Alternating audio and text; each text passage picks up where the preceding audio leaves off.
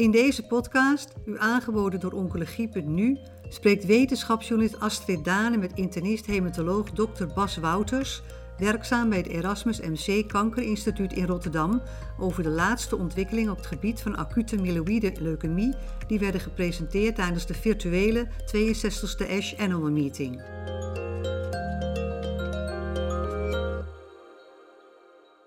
Goedenavond, eh, of goedemiddag is het nog, Bas Wouters. Jij bent internist-rheumatoloog bij het eh, Erasmus MC. En jij bent uh, met een speciale interesse in acute myeloïde leukemie, AML. En op dat gebied heb jij de nieuwste ontwikkelingen gevolgd die gepresenteerd werden tijdens de virtuele ASH Annual Meeting van dit jaar. Om te beginnen waren er veel presentaties, sowieso fase 3 studies relatief weinig, maar wel veel vroege studies. Onder andere met eh, venetoclax en eh, combinaties daarmee. Eh, wat is daar nieuw? Ja, nou, goedemiddag inderdaad, Astrid. um, nee, dus inderdaad op deze ASH weinig echt nieuwe fase 3 studies die direct de, de praktijk voor de hematoloog zullen veranderen. We zijn ook een beetje verwend, denk ik, de afgelopen jaren. Er zijn relatief veel studies geweest die dat wel voor elkaar gekregen hebben. En een van de natuurlijk belangrijkere studies in de afgelopen maanden gepubliceerd is de studie in de, New, de Journal of Medicine van Courtney DiNardo en collega's, waarbij combinatie venetoclax en azacitidine werd vergeleken met azacitidine bij uh, uh, niet fitte oudere patiënten of patiënten die om andere redenen niet in aanmerking kwamen voor intensieve behandeling.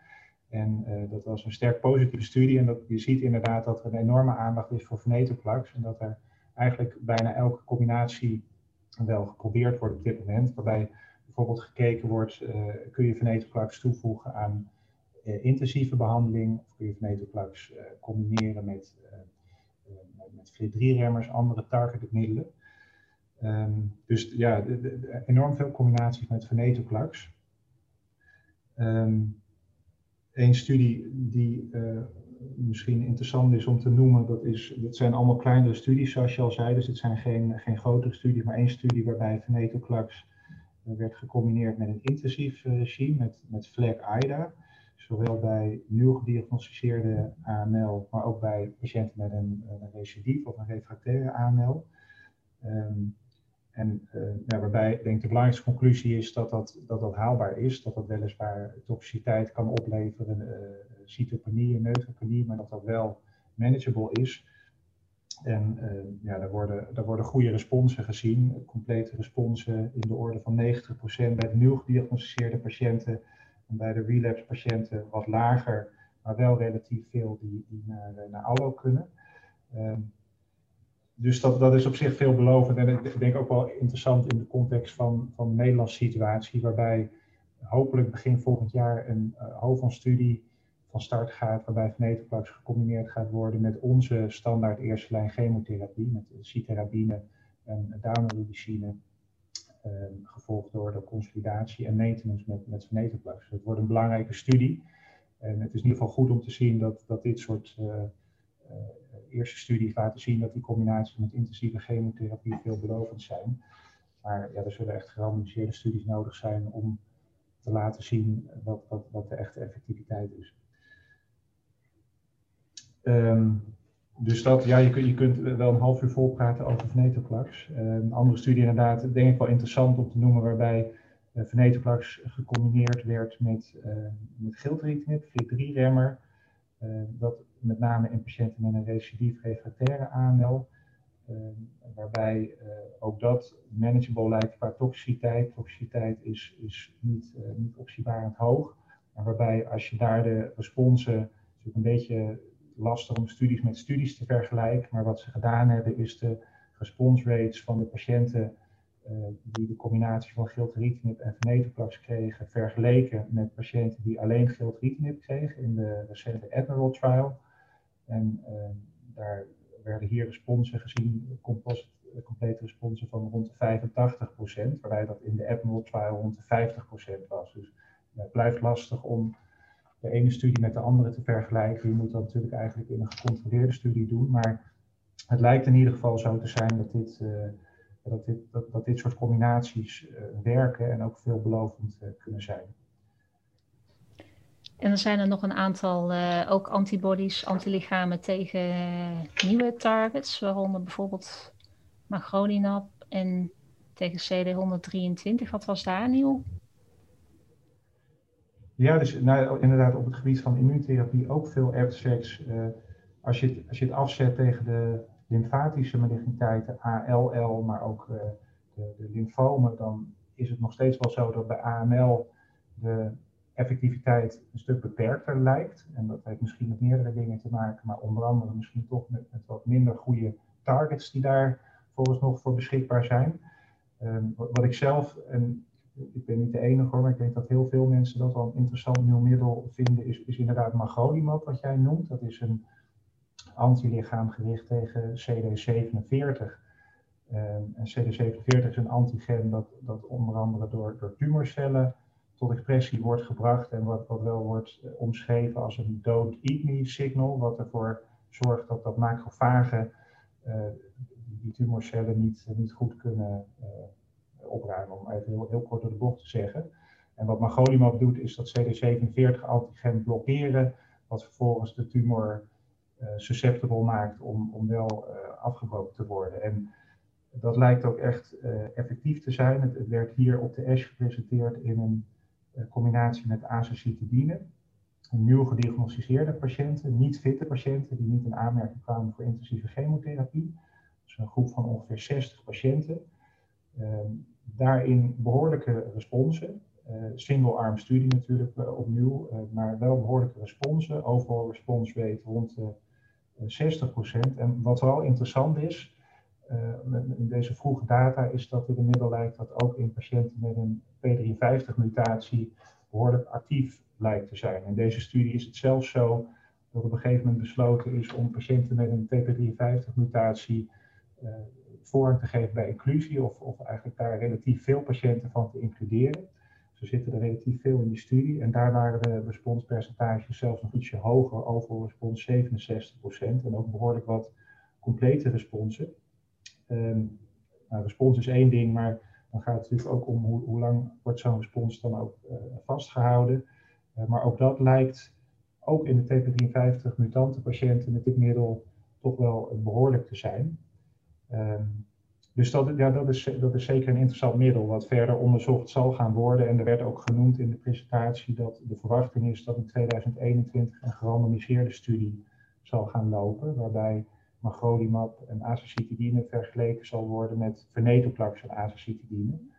En, dan, uh, en dat zal, als ik het goed zeg, ook met name zijn voor patiënten met een P53-mutatie. Dus specifiek voor die hele slechte groep, waar ook bijvoorbeeld de, de combinatie venetoclax azacitidine het eigenlijk helemaal niet zo heel goed doet. Dat, dat blijft een groep waar eigenlijk heel weinig middelen uh, effectief zijn. Maar dit is een middel dat, uh, dat daar mogelijk uh, wat beter werkt. Um, en verder, je, je, noemde nog CD123 inderdaad, dat is ook een target wat, wat, wat benaderd wordt voor AML, waar een aantal abstracts, één studie met denk ik, de, meest uh, gevorderde resultaten, weliswaar ook een, uh, een, een, fase, 2 of, ja, fase 1-2 studie, uh, flotetuzumab, een bispecifiek CD123 CD3 gericht middel. Um, en er werden data gepresenteerd van een, een, cohort van ongeveer 40 patiënten met een, een recidief of refractaire AML, met name de de vroege recidive, dus de early relapse, dus binnen zes maanden na chemotherapie, of de patiënten die echt een primaire inductie failure hadden. Uh, en daarbij uh, ja, responspercentages, uh, gecombineerde CR-percentages rond de 30%. Dus dat is niet zo goed als bijvoorbeeld blinatumomab, zoals we dat gezien hebben bij ALL. Maar ja, toch is er mogelijk wel een, een, een patiëntengroep die hier ook baat bij heeft met weliswaar toxiciteit, uh, CRS, bij, bij alle patiënten, maar relatief beperkt en ook wel uh, ja, goed te, te managen bij, bij eigenlijk bij alle patiënten. En dan zijn er nog andere nieuwe middelen, onder andere uh, CC486, een hypomethylerend middel, als ik me goed herinner. En uh, daar waren ook een paar uh, presentaties van, hè? Ja, ja CC486 is, is wel wat, wat verder in, in ontwikkeling eigenlijk al. Dat is oraal azacitidine. Um, is, is, vorig jaar op de ASH bij de late breaking abstracts door Andrew Way gepresenteerd.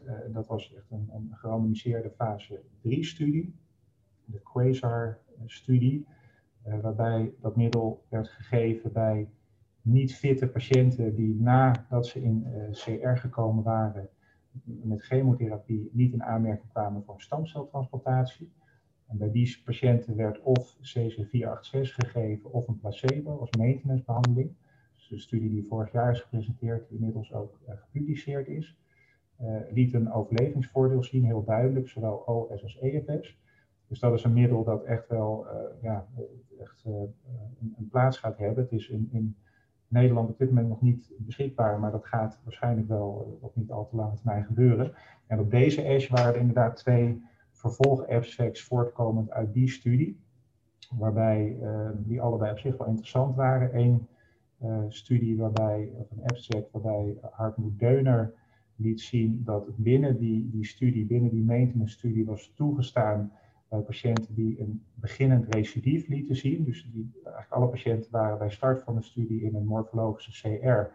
Maar als bleek dat tijdens de studie patiënten een oplopend blastenpercentage kregen tot uh, een, maximaal 15%, was het binnen de studie toegestaan om de behandeling te intensiveren. Om in plaats van een cyclusduur van 14 dagen, 21 dagen uh, te behandelen. En daaruit bleek dat, dat bij de patiënten die, die het actieve middel kregen, de CC486, ehm, bij ongeveer, we moeten even spieken, ik dacht rond de 20% patiënten opnieuw een, eh, in CR kwamen. Dus het lastenpercentage daalde tot, tot onder de 5%. Opvallend genoeg, overigens ook in de, in de placebo-groep, er waren ook een aantal patiënten die weer een daling van blassen lieten zien tot onder de 5%. Dus dat, uh, maar dat waren, er, dat waren er minder, dat was rond de 10%. En dat ja, daar werd een vraag over gesteld, hoe, hoe kan dat? Hè? Als je een placebo geeft, ja, dat heeft dan misschien ook een beetje met sampling error te maken. Je doet beenmergpuncties en ja, je, de ene keer vind je iets meer blast en de andere keer iets minder. Maar er was wel een statistisch uh, significant verschil waarbij het, het, intensiveren van CC486 bij patiënten die een dreigend recidief blijken te hebben wel uh, uh, ja, meer, meer kans van slagen geeft om weer in een goede CR te komen. Dus dat was één. En uh, een tweede studie, interessant, ook met het oog op het feit dat MRD echt wel steeds een belangrijke plek inneemt, werd in die studie gekeken naar hoe zit het nou met MRD. Het is sowieso heel mooi dat tijdens die studie echt heel regulier of heel vaak uh, MRD-metingen zijn gedaan, zowel bij het begin van behandeling, maar ook tijdens behandeling. Eén ehm, vraag die werd gesteld is, maakt het nou uit of patiënten die starten met die onderhoudsbehandeling met CC486 of die MRD positief waren of MRD negatief. En dan MRD met name gemeten door flowcytometrie. Uh, en de conclusie was nee, zowel in de patiënten die MRD positief waren, maar ook in de patiënten die MRD negatief waren, uh, bleek CC486 in vergelijking met placebo een overlevingsvoordeel te geven. Dus de conclusie daar is dat uh, nou ja, dat, dat het ook bij patiënten die MRD positief zijn een middel is wat, wat effectief is, in ieder geval in het verlengen van de, van de survival. Um, wel was het zo, maar dat, is, dat, dat, weten we inmiddels, dat als je puur keek naar de survival duur, dat de MRD positieve patiënten een kortere OS hadden en EFS dan de patiënten die MRD negatief waren.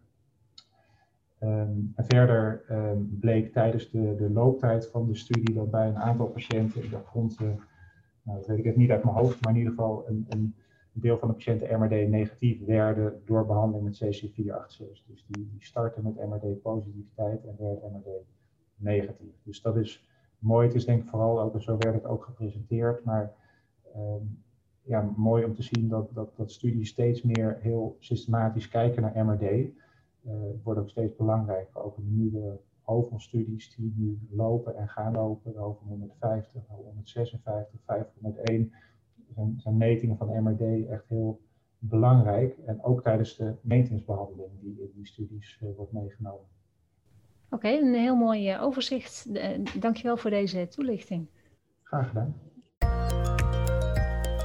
Bent u geïnteresseerd in meer podcasts? Deze zijn te vinden op de website oncologie.nu.